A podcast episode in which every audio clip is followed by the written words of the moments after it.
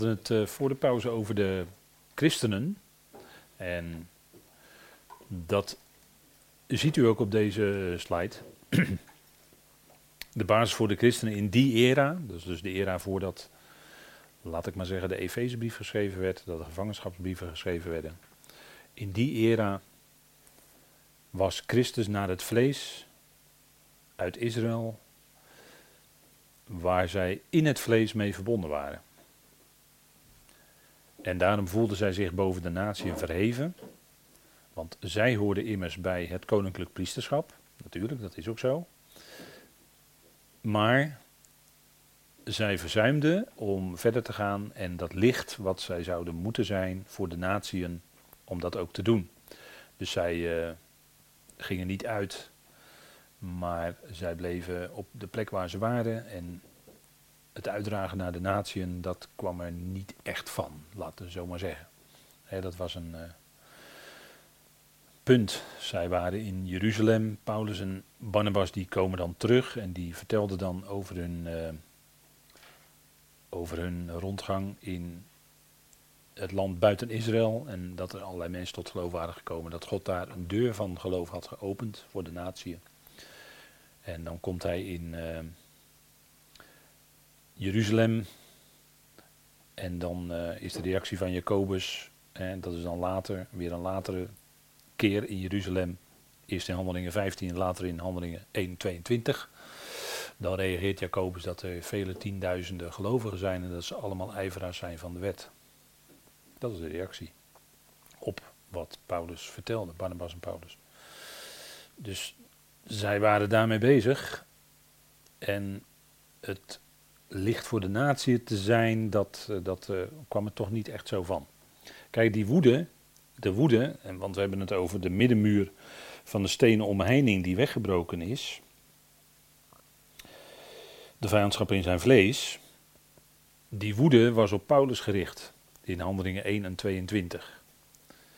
Zij meende dat hij Trofimus voorbij de zorg had gebracht. Laten we even met elkaar lezen. Handelingen 21 is dat. Handelingen 21.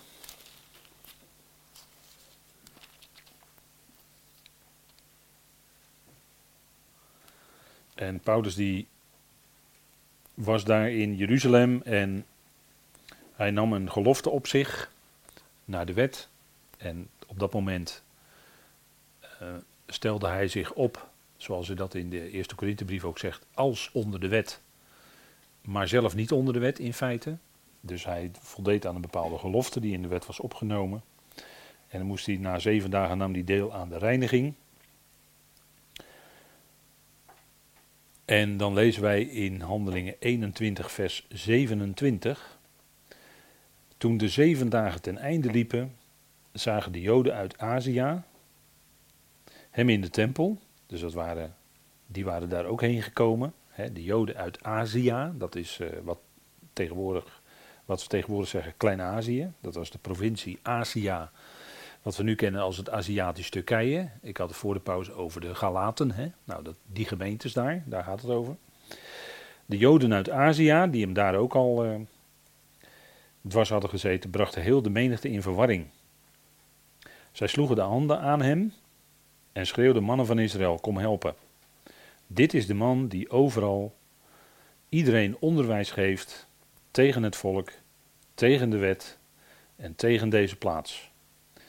Bovendien heeft hij ook nog Grieken in de tempel gebracht en deze plaats ontheiligd. Want zij hadden eerder, zij hadden eerder al de Efeziër Trofimus met hem in de stad gezien, van wie zij dachten dat Paulus hem de tempel binnengebracht had. Ziet u, dus ze hadden geen bewijs daarvoor, maar zij meenden dat het zo was, omdat ze hem hadden zien lopen met Trofimus in de stad. En nu waren ze woedend. ze sloegen de hand zelfs aan Paulus. Zo groot was die weerstand. En wat ze tegen van hem zeiden, dat was niet waar. Maar het blijkt dat ze zijn onderwijs op zijn minst, laat ik maar zeggen, verdraaiden. En uh, hier eigenlijk, uh, ja, dingen riepen die gewoon niet waar waren. Die gewoon niet waar waren. Kijk, eh, u weet dat wat, wat we dan uh, wel eens opmerken daarover. Kijk, als men, uh, als men niet goed de bal kan spelen, dan, dan pakt men de man. Hè? Dan gaat men de man tackelen. Dat is wat hier ook gebeurt. Zij konden niet tegen Paulus' onderwijs op, of zij begrepen het niet meer of niet. En zij meenden dat hij tegen het volk, tegen de wet en tegen deze plaats aan het ageren was. En dat was hij helemaal niet. Hij verkondigde alleen iets anders, wat afweek van hun tradities. En wat afweek van uh, ja, wat zij altijd gemeend hadden dat moest. En op grond daarvan zeiden ze dat hij zo op die manier, alsof hij uh, vijandig uh, alles omver wilde kegelen. Dat was helemaal niet het geval. Hij bracht een andere evangelie. Hij bracht een andere boodschap. Hij bracht genade en dat verstonden zij niet. En dat werd dus verdraaid. Dat kan ook niet anders, dan worden de woorden verdraaid.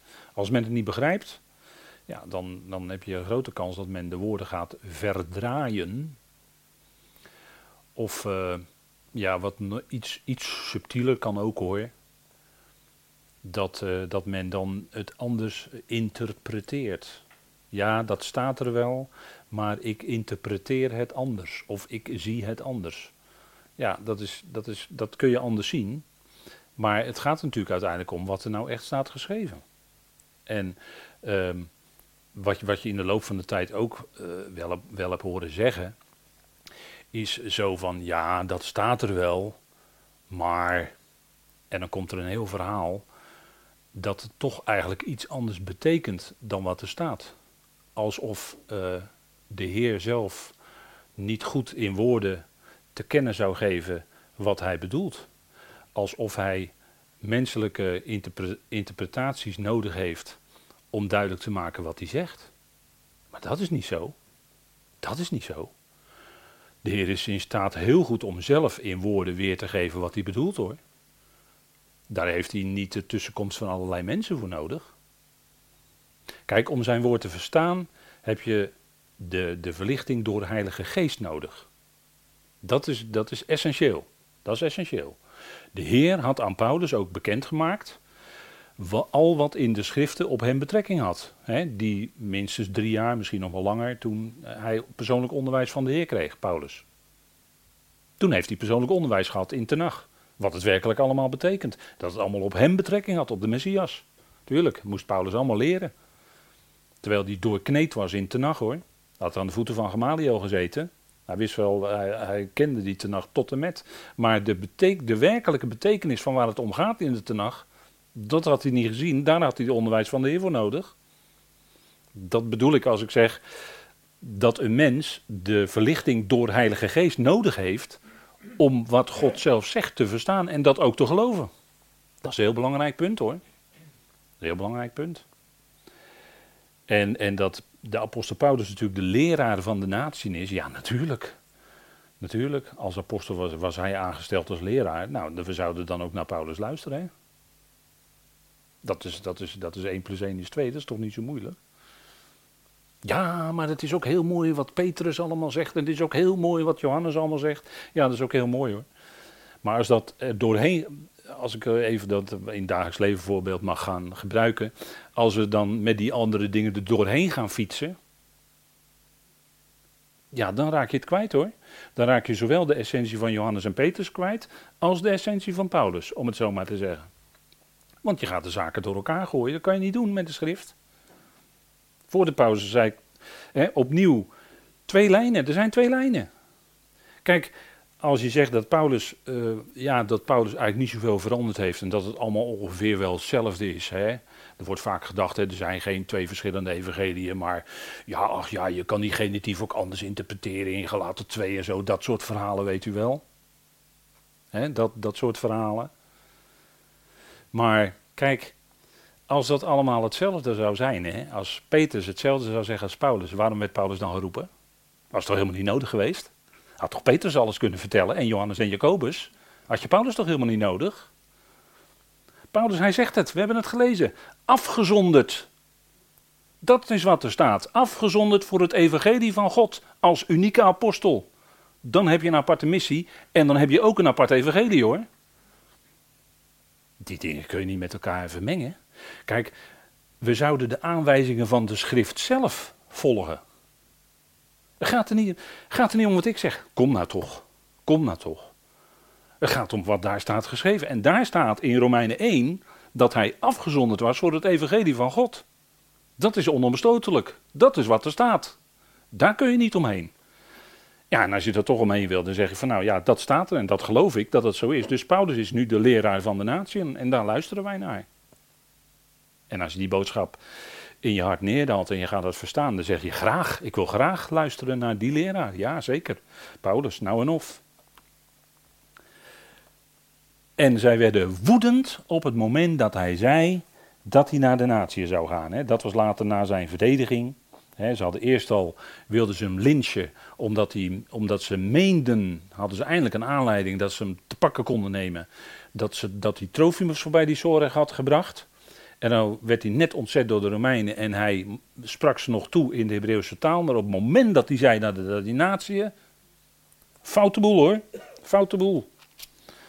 Hij getuigt van wat hij werkelijk had beleefd. En dan zegt hij in Handelingen 22, vers 21, dat de Heer tegen hem zei, en hij zei tegen mij, ga, want ik zal u ver weg zenden naar de natie. Ze hoorden hem nu aan tot dit woord toe, maar daarna verhieven zij hun stem en zeiden: Weg van de aarde met zo iemand, want hij behoort niet te blijven leven. En ze schreeuwden en de kleren van zich afsmijtend en stof in de lucht gooidend, beval de overste hem, toen beval de overste hem in de kazerne te brengen. En hij zei dat men onder geesteling moest verhoren, enzovoort. Dan gaat het verder, hè. Dus ze werden woedend toen hij dat zei, dat hij naar de natie zou gaan. Maar de Heer had het tegen hem gezegd. De Heer had het persoonlijk tegen hem gezegd, daar getuigde hij van. Maar de, de, woede was groot. Ze hadden hem ter plekke vermoord als, die, als ze de kans hadden gehad. Wie? Joden uit Azië. Joden christenen. Die ook in de Messias geloofden. Maar hun gedachten waren zodanig. Ja, nee, het gaat om ons. Eh, wij zijn het uitverkoren volk. Uh, noem maar op. En de, dat, zo groot was die vijandschap naar de natie toe. Op het moment dat het woord natie valt. Het werkt als een lap op een rode stier tegenwoordig zeggen we dan, ze werden enorm getriggerd. En het was woede, het was, was ontzetting, er was... Maar dit was wel de missie van de apostel Paulus. Dat had de Heer tegen hem gezegd, de verheerlijkte Heer, persoonlijk. Daar gaat het om. En dat is nog steeds hoor. Want kijk, als je. Ik, ik heb in de loop van de jaren ook wel eens gehoord binnen, binnen het Jodendom. De uitspraak: ja, jullie christen. Ja, die lastige Paulus. Ja. Maar ook binnen het christendom heb ik die uitspraak ook mensen horen zeggen hoor.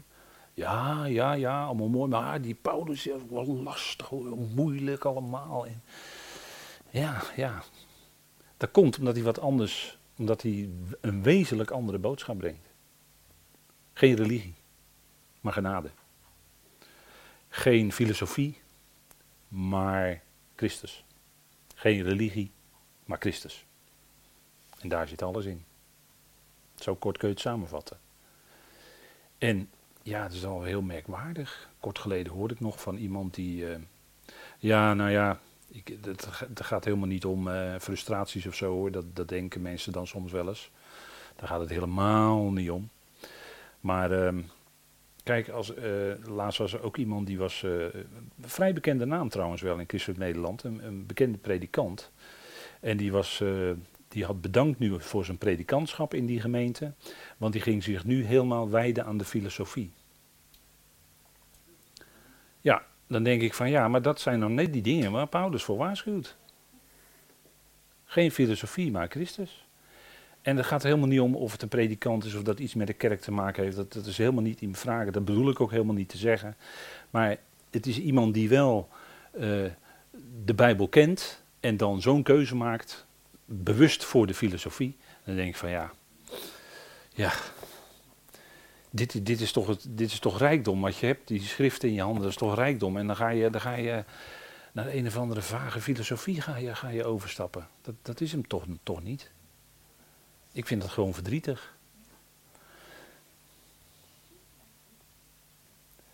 En dat was de hele issue hier. Hè. Ze meenden dat hij Trofimus voorbij de Zorg had gebracht.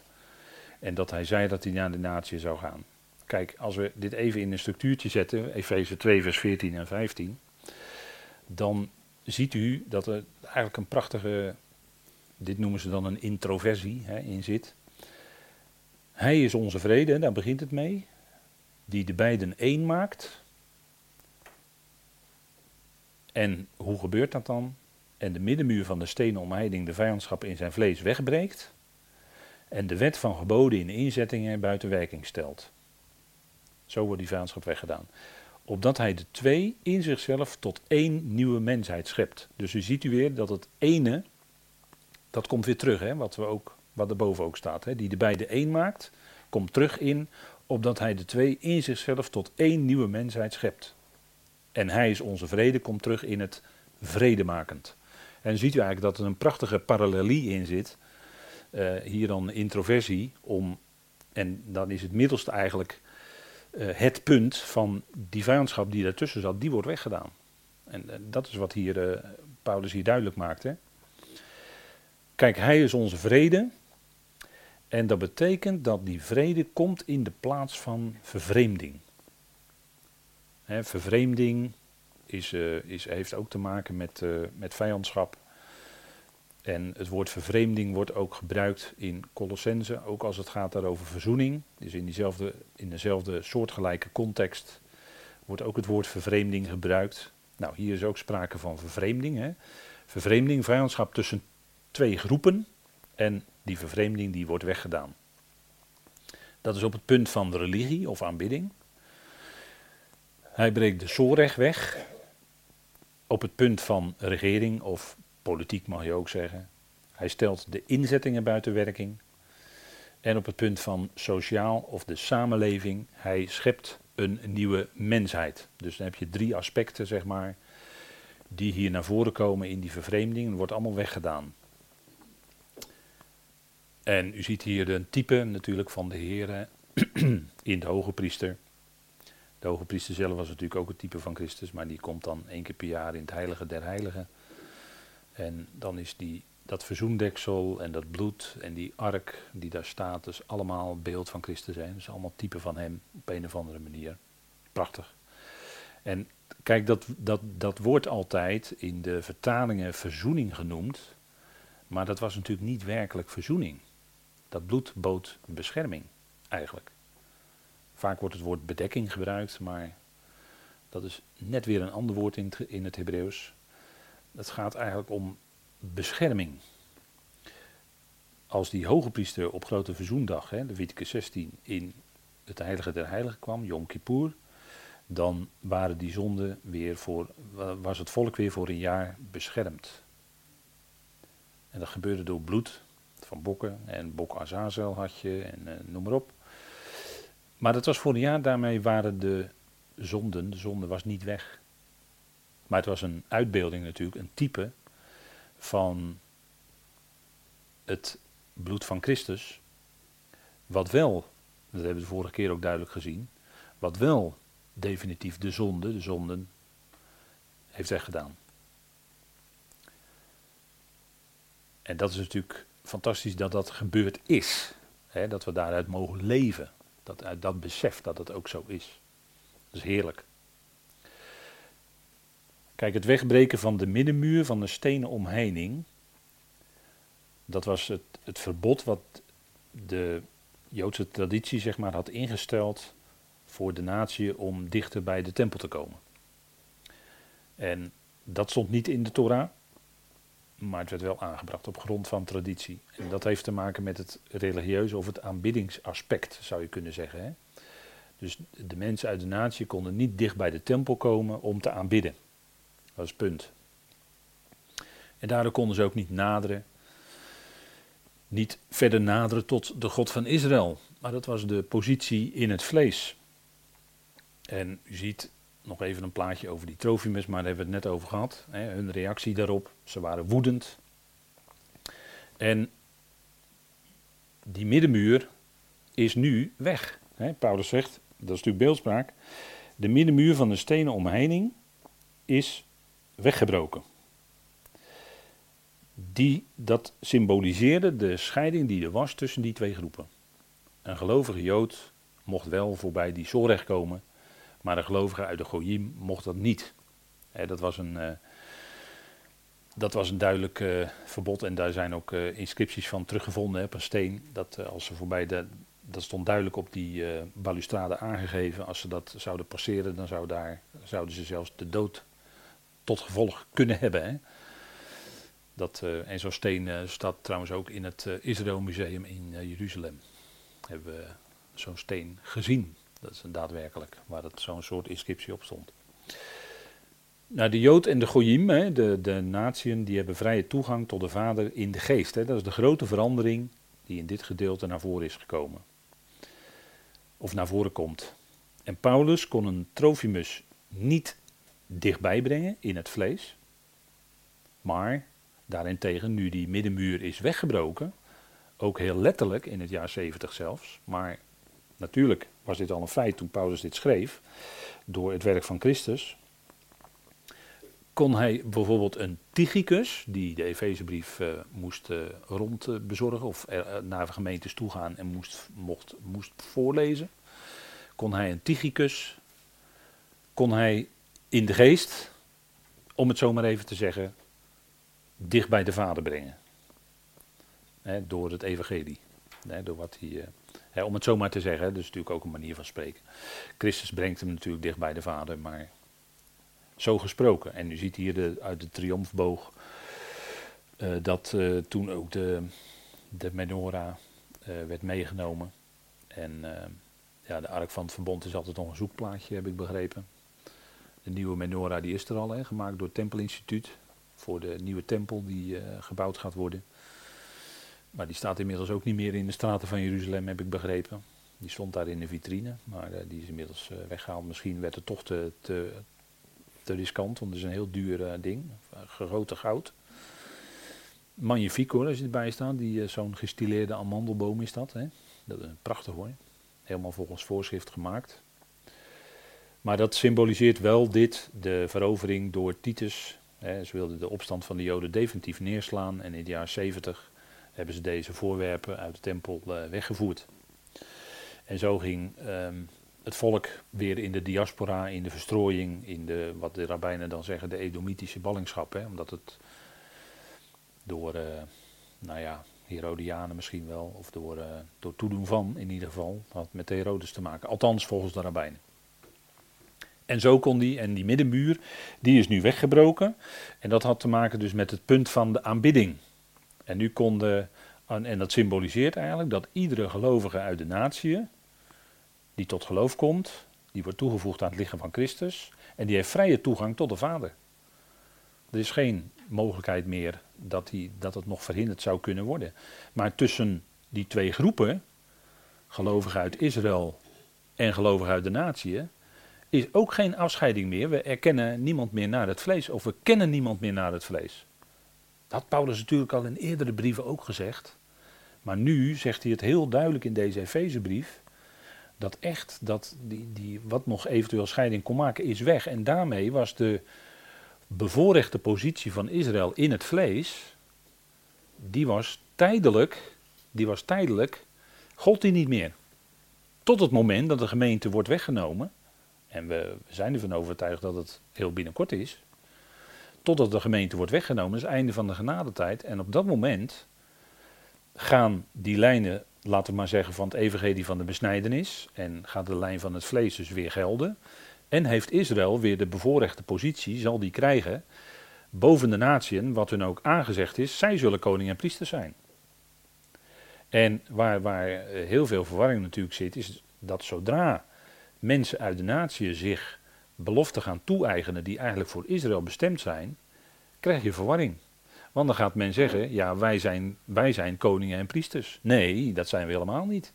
We zijn zonen van God door het geloof in Christus Jezus. We zijn helemaal geen koningen en priesters en dat worden we ook niet. Want dan neem je, en wat je dan doet is, je gaat toch weer stappen in, de, in een stukje, laat ik maar voorzichtig zeggen, in een stukje vervangingsleer. Maar is koning en priester, dat zegt Petrus toch aan zijn medegelovigen in de verstrooiing, in de diaspora, in zijn brief. Het zijn uitverkoren geslacht, een koninklijk priesterschap, een volk. En wij zijn geen volk, Wij zijn het lichaam van Christus.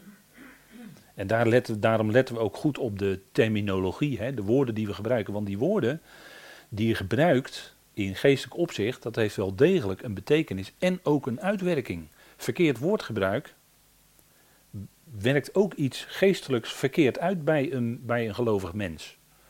Daarom willen we dat liefst zo zuiver mogelijk houden.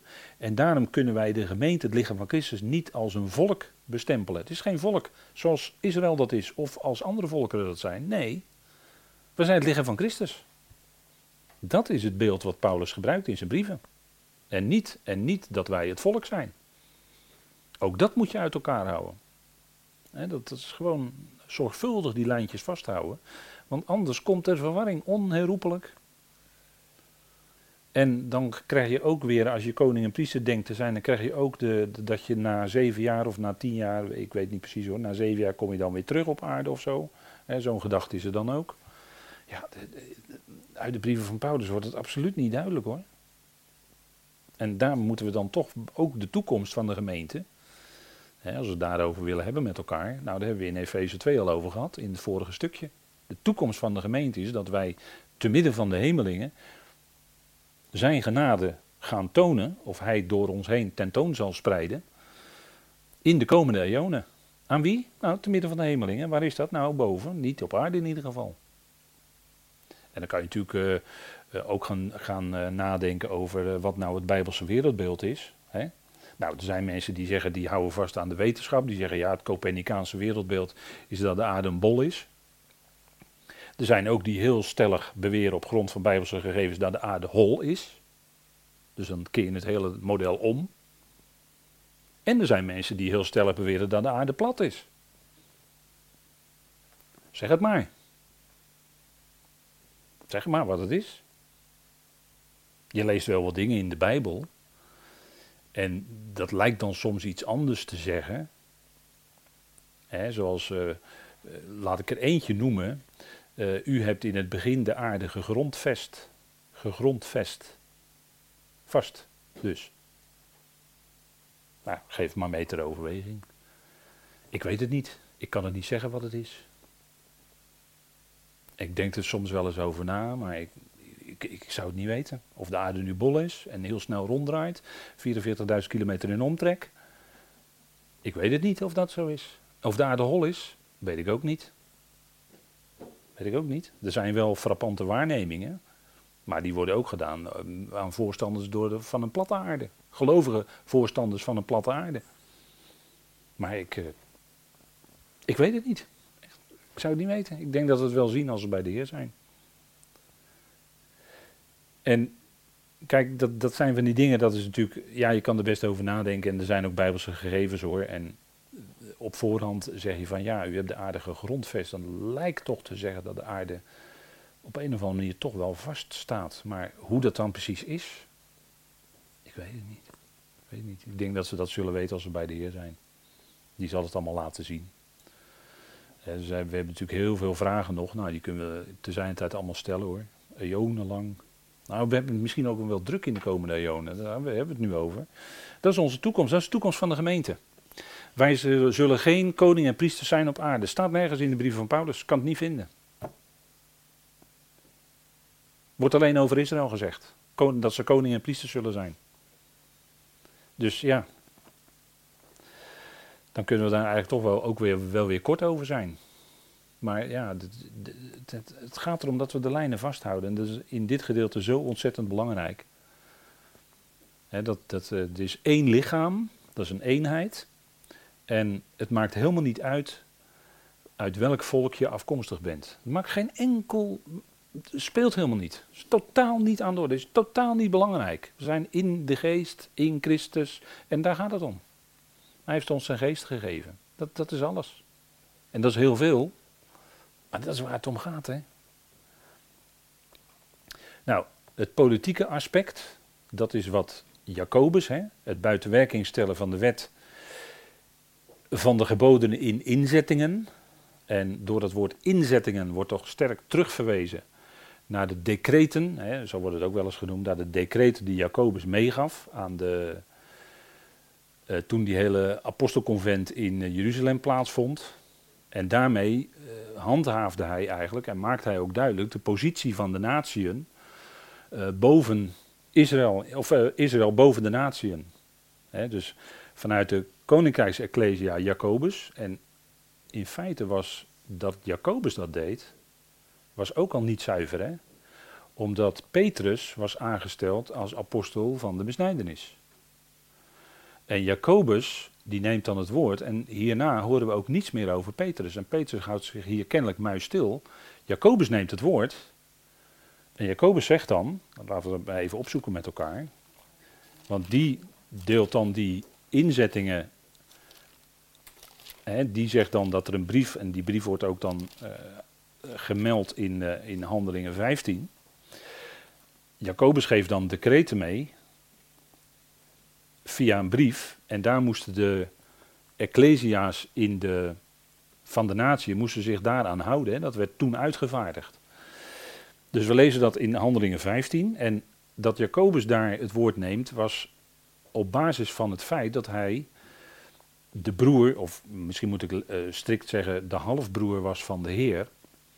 Dus zijn vleeselijke verbintenis met de Heer was kennelijk zo belangrijk voor die Ecclesia daar, dat hij eigenlijk als belangrijker werd geacht dan Petrus. Dus u ziet dat daarin ook al duidelijk wordt dat de, de lijn van het vlees werd door die Ecclesia kennelijk belangrijker geacht dan wat de Heer had aangegeven. Dat is in feite de lijn, de geestelijke lijn. Dat is dat Petrus deze dingen had moeten zeggen, hè, in feite. Als iemand dat had moeten doen, had Petrus het moeten doen. Maar Jacobus doet het in plaats van.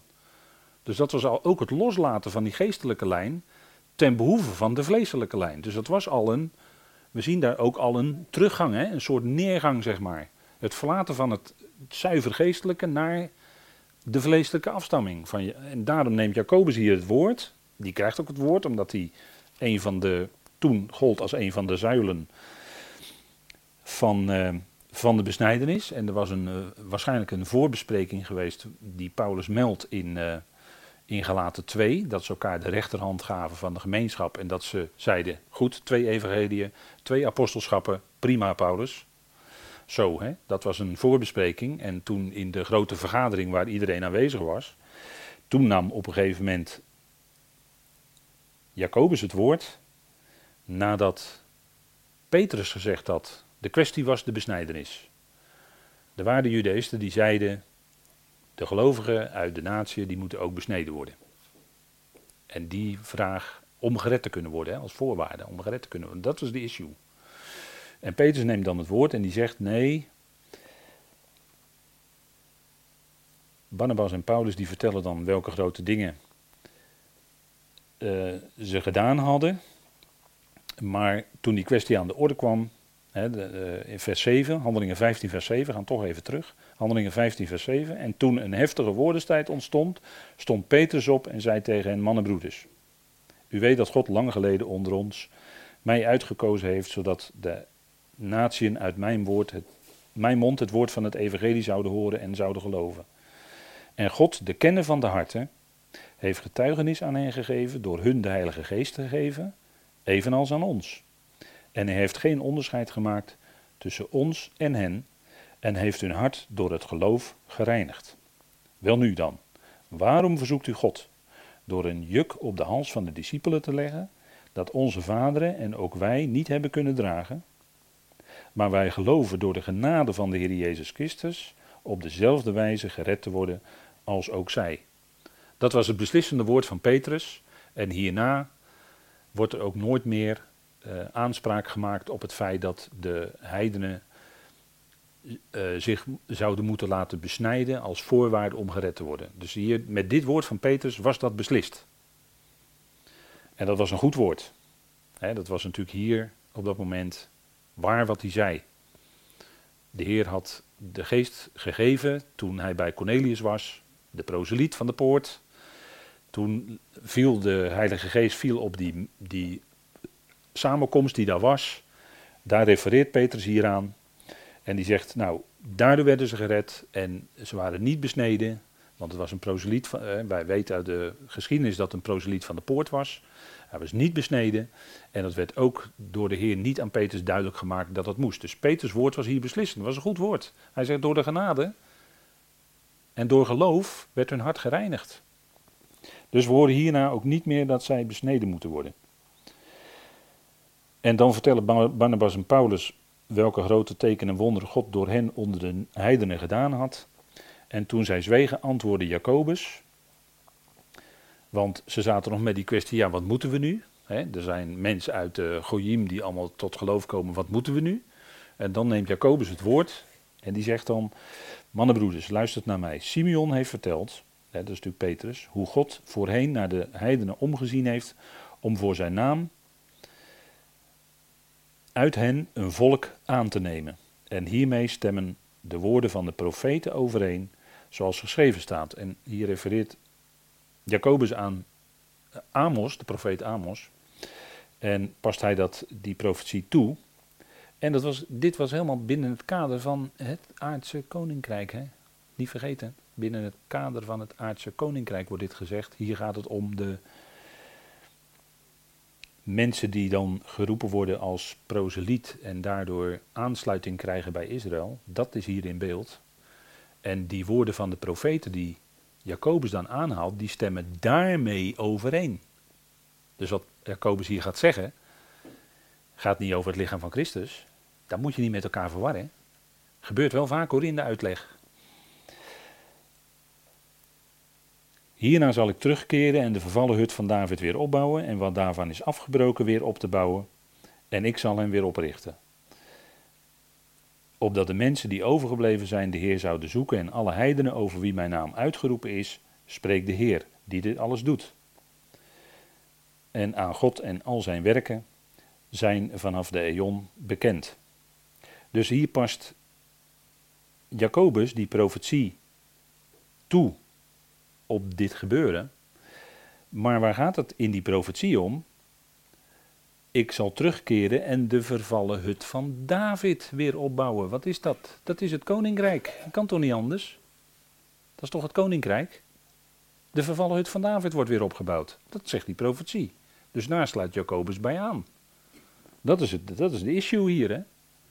En dat dan de natieën ook zullen gaan delen in die zegen van het koninkrijk, die zegen die uitgaat van Israël. Maar dat is de aardse situatie straks in het aardse koninkrijk. En dat Jacobus dan zegt dat er een volk, hè, uh, om voor zijn naam een volk aan te nemen uit de natieën, dat is wat straks ook in het koninkrijk gaat gebeuren. Maar dat volk aan te nemen uit de natie, dat is niet het lichaam van Christus. Zo wordt deze vaak toegepast hoor. Op ons, op nu. Heel vaak in de uitleg.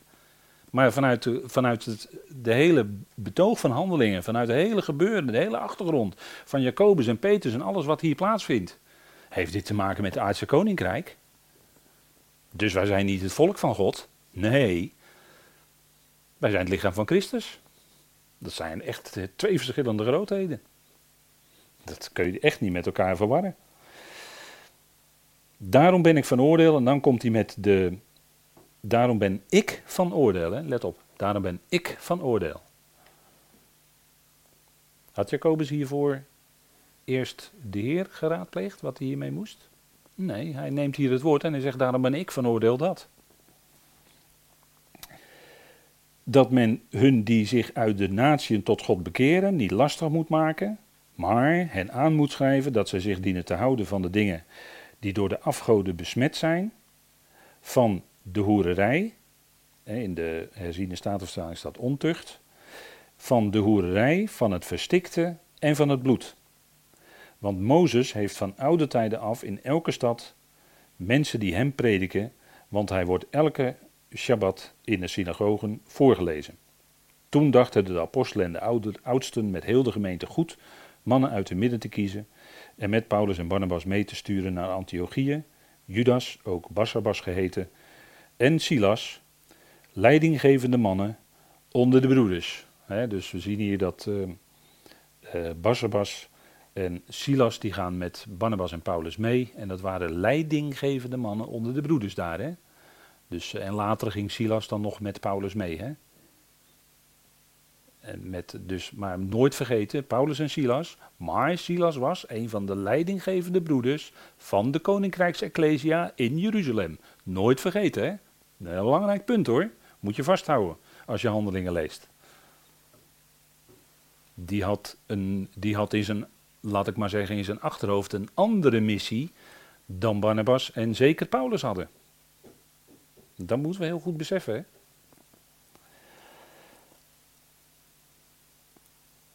En ze schreven door een dienst het volgende. Nou, dan komt de hele brief. En dan, um, daarom hebben wij Judas en Silas, vers 7, ik spring even naar vers 27. Daarom hebben wij Judas en Silas gestuurd, samen met Barnabas en Paulus. die, uh, die daar zelfs geliefden worden genoemd. Hè? Nou, geliefden Barnabas en Paulus. Hun, mensen die hun leven over hebben voor de naam van onze Heer Jezus Christus. Daarom hebben wij Judas en Silas gestuurd, die hetzelfde ook mondeling zullen meedelen. Want het heeft de Heilige Geest en ons goed gedacht u verder geen last op te leggen dan deze noodzakelijke dingen, dat u zich onthoudt van afgodenoffers, van bloed, van het verstikte en van hoererij. Als u zich ver van deze dingen houdt, zult u juist handelen. Vaarwel. Dus dat waren de decreten, de inzettingen die uh, aan Paulus, Barnabas, Barsabas, Judas werden meegegeven om door te geven aan de Ecclesia's. Hè? En die, datzelfde woord inzettingen, eh, wat, uh, wat letterlijk gebruikt wordt in Handelingen 16, vers 4. Want uh, Barnabas en Paulus die deden dat ook. Hè, en toen, Handelingen 16, vers 4, toen zij de steden langs reisden, brachten zij hun de bepalingen over waarvan de apostelen en de oudsten in Jeruzalem besloten hadden dat men die in acht moest nemen. Nou, dat woord bepalingen is hetzelfde woord als wat hier in Efeze 2 uh, we vertaald hebben met inzettingen. Daar staat in het Grieks hetzelfde woord. Dus het gaat om, in Efeze 2 gaat het om mede deze inzettingen. En hiermee werd ook de positie van, de, van Israël nog eens eh, boven de natie in het vlees nog eens bevestigd. Hè? Zij konden decreten uitvaardigen over de natie en daardoor bleek het overwicht wat er toen nog uh, kon zijn. Hè? De wet van geboden in inzettingen, en dat gaf Jacobus dus mee. Dat was ten eerste, uh, we hebben dat gelezen, de ceremoniële verontreiniging met de afgoden. Hè? Er wordt een uh, specifiek woord gebruikt in Handelingen 15, vers 20. De ceremoniële Hè, de, wordt hier vertaald met die door de afgoden besmet zijn. Met dat besmet zijn, daar wordt een bepaald woord gebruikt. Dat heeft te maken met ceremoniële verontreiniging met de afgoden. Dus deelnemen aan de afgodendienst. En de tweede punt, de hoererij, dat had daar ook mee te maken. Dat was de cultische prostitutie, die in die tijd uh, bij de tempeldienst aan de afgoden ook plaatsvond. En uh, daar, daar uh, bezondigden mensen zich aan. Ook Israël heeft, dat, heeft daar aan meegedaan. en dat was een van de redenen waarom ze ook in Babylonische ballingschap en door de Assyriërs weggevoerd werden. Door een afgoderij. en dat, die afgoderij, dat was dat ze andere goden naliepen. Dat was, het, dat was voor de Heer natuurlijk een krenking, een enorme krenking, een gruwel. En daarbij ook de hoererij die dan plaatsvond, hè, de cultische prostitutie. En dat, uh, ja, dat was in de dagen van Paulus ook zo. Hè, dat was in die dagen ook zo, in Korinthe. Als je de Korinthebrieven leest, wordt daar ook aan gerefereerd. Hè. En uh, dat werd dus aangegeven, hè, dat ze zich daarvan zouden onthouden. En van het verstikte, dus van uh, dieren die dan verstikt waren en dan gegeten werden, dat mocht niet en van bloed, dus waar vlees waar nog het bloed in zat.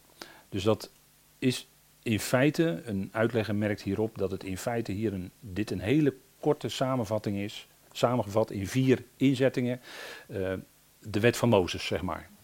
Dat is heel, heel kortweg doorgegeven, hier werd het in samengevat. dus dat werd doorgegeven, alleen nu vond er toch een, uh, een verandering plaats. Want die Paulus zegt in uh, Efeze 2, hè, de tekst die we voor ons hebben, dat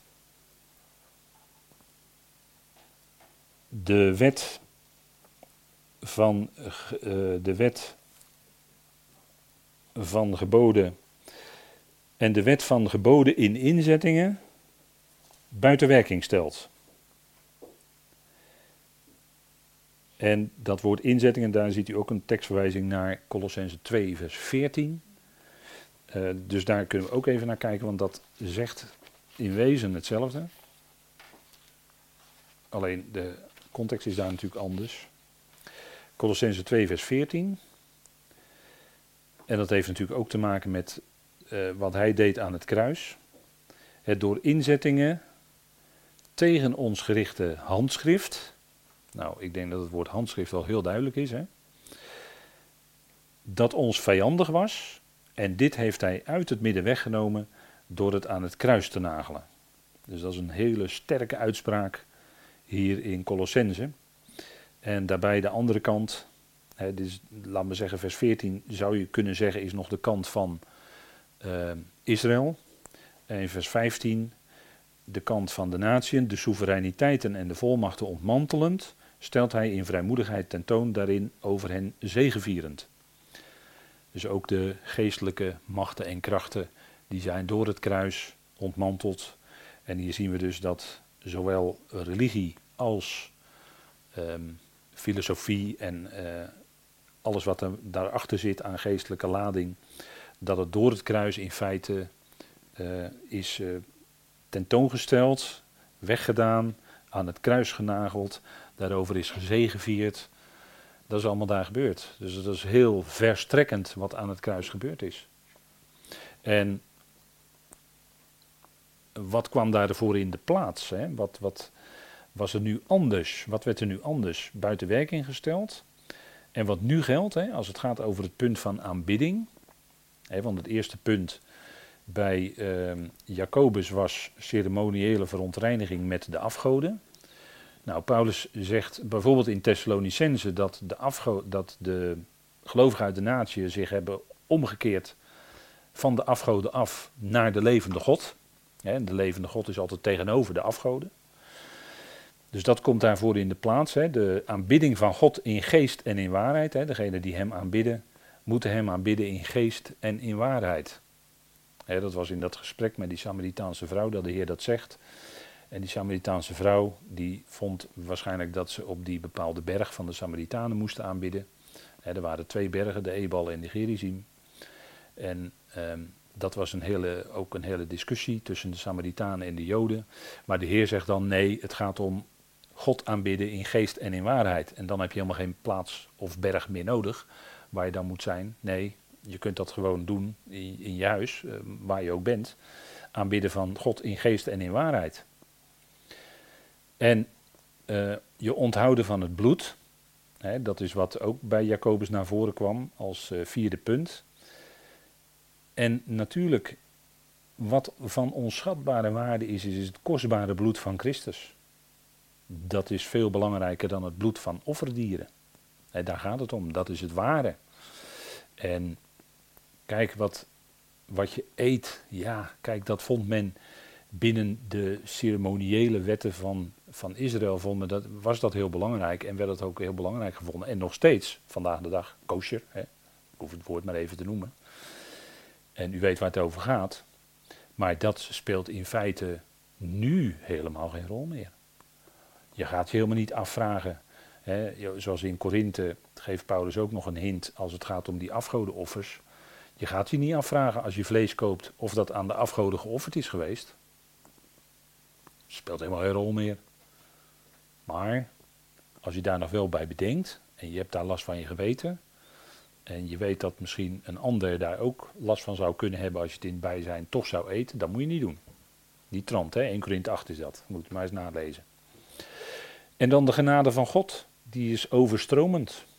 Hè? En dan, ja, dan, dan gaat het er niet meer om dat er bepaalde geboden, verboden, hè? genade van God is nu die werkzame kracht in ons leven, om het zo maar te zeggen, genade van God is overstromend en werkt, zie Romeinen 6, versus de zonde.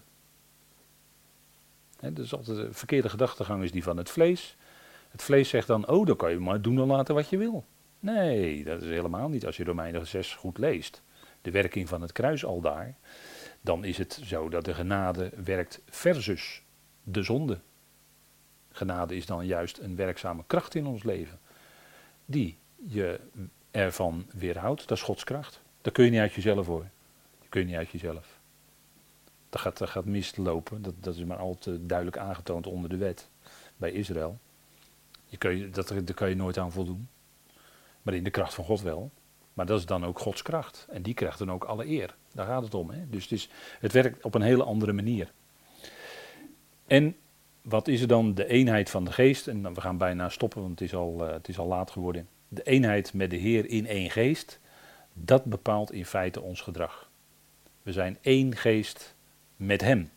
Ons lichaam is een tempel van de Heilige Geest. Zegt Paulus. Ons lichaam is een tempel van de Heilige Geest. En in 1 Corinthië 6 zegt hij, dat zouden we niet aan, uh, dan kan je je lichaam niet verbinden met een hoer, kom nou. Dat is 1 Corinthië 6, dat zegt Paulus daar. Dan kan je niet verbinden met een hoer, kom nou. Nee, je lichaam is tempel van de Heilige Geest. Je bent met, door de Geest met de Heer verbonden. En zo is je lichaam geheiligd. En zo zou je het ook houden. Dat is de lijn van het evangelie natuurlijk.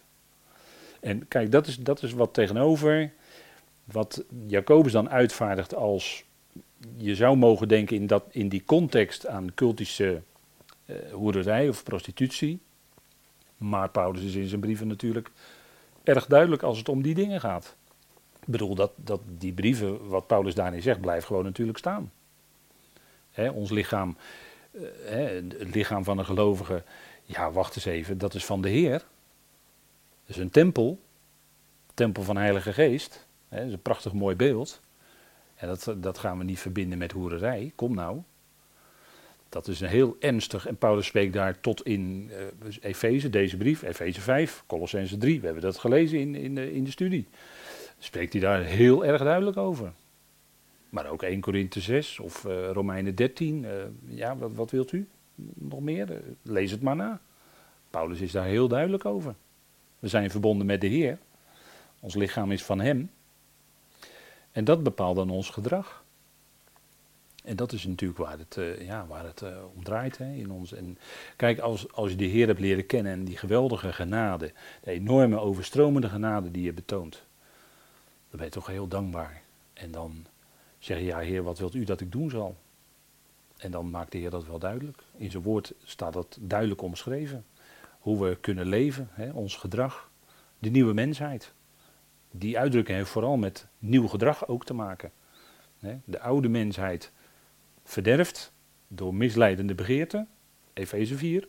Maar de nieuwe mensheid vertoont een heel ander gedrag in genade, in liefde betonen, echte werkelijke liefde van God betonen.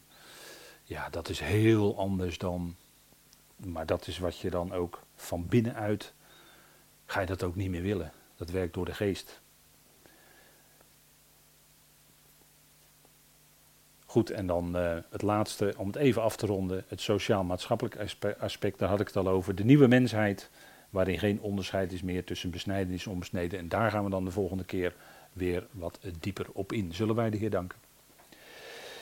Vader, we danken u dat we ook zo deze avond van u mochten ontvangen. We danken u voor woorden die geschreven staan en die we steeds weer lezen en herlezen. En biddend of u ons dat wil duidelijk maken, wat daar precies bedoeld wordt, wat u zegt. Vader, dank u wel dat u ook door uw geest stapje voor stapje ons daar dieper inleidt en dieper invoert. Vader, dank u wel dat we zo door u geroepen zijn tot een enorme roeping. En vaak worden we zo afgeleid, Vader, in ons dagelijks leven van die geweldige dingen die heerlijke toekomst die wacht en dat we nu al een schouwspel zijn, een theater voor de hemelse machten en krachten. Vader, mogen ons dat meer bewust zijn en ja, Vader, op u gericht leven. Dank u wel dat u ons roept en trekt en dat we ook deze dingen uit dit hoofdstuk van de Efezebrief stapje voor stapje met elkaar mogen doornemen, bespreken.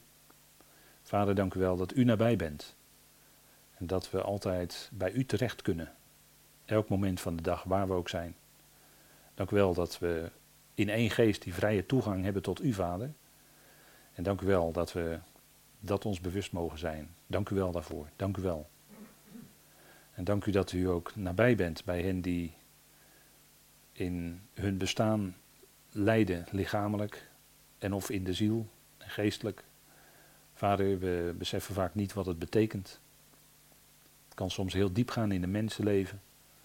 Wees u hen genadig nabij en geeft u die kracht die nodig is. Elke dag. Om weer verder te kunnen. Vader, zo dank u voor uw trouwe goedheid en liefde. Dat u ons ook vanavond datgene wilde geven waar we gezamenlijk dan over na mogen denken. En uw woord lezen. We danken u daarvoor en wees ons nabij op de weg naar huis. Bewaar en spaar ons daarin. En mogen ook in de komende dagen beseffen van geheel van u afhankelijk te zijn. Daar dank u voor in de naam van uw geliefde Zoon, onze Heere Christus Jezus. Amen.